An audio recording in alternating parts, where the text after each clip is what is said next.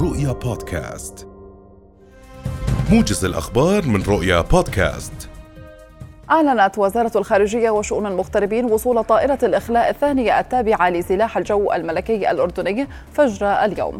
الوزارة قالت إن الطائرة وصلت فجر اليوم إلى مطار ماركا العسكري وعلى متنها مواطنون أردنيون وعائلتهم وعددا من الأشقاء الفلسطينيين من العاصمتين بوخارست وبودابست واللذين والذين قدموا من أوكرانيا.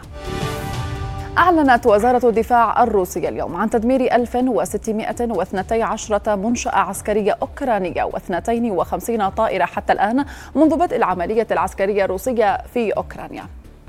المتحدث باسم وزارة الدفاع الروسية قال إن القوات المسلحة الروسية استهدفت أيضا 62 موقع تحكم ومركز اتصالات للقوات المسلحة الأوكرانية و39 من أنظمة الصواريخ المضادة للطائرات و52 محطة رادار.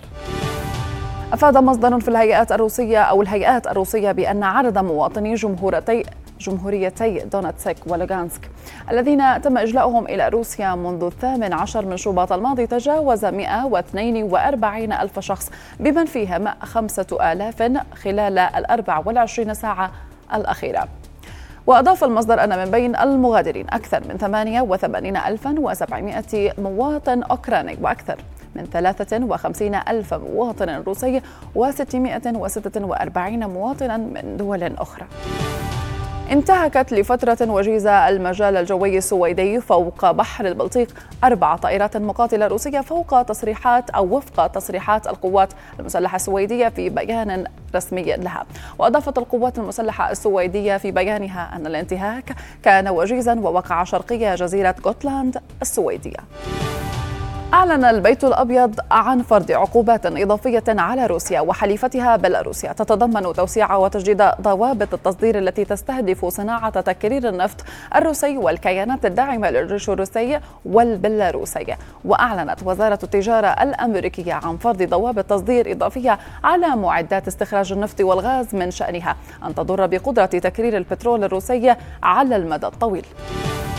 قالت الهيئة المستقلة للانتخاب أنها تتابع اللوحات الانتخابية المخالفة للمرشحين والمنتشرة في الطرقات بكافة الأشكال الهيئة أكدت أنها تعاملت حتى اللحظة مع 400 مخالفة دعاية انتخابية معظمها للوحات أو للوحات مخالفة للتعليمات التنفيذية الناظمة لحملات الدعاية الانتخابية من حيث شكل التعليق أو عدم ثباته وتضررها نتيجة الظروف الجوية أو تعديها على الشارع والمرافق العامة. تتأثر المملكة اليوم بمنخفض جوي من الدرجة الثانية. تنخفض على إثره درجات الحرارة لتكون أقل من معدلاتها. لمثل هذا الوقت من العام. وتهطل زخات من المطر والبرد في المنطقتين الشمالية والوسطى. ويسود طقس باردا نسبيا في أغلب المناطق باردا فوق الجبال.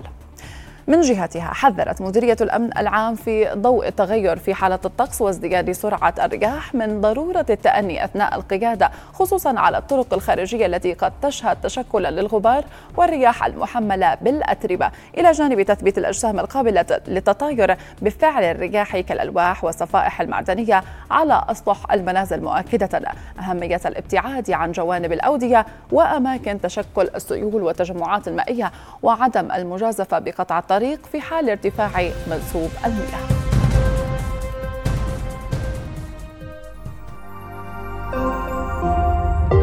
رؤيا بودكاست.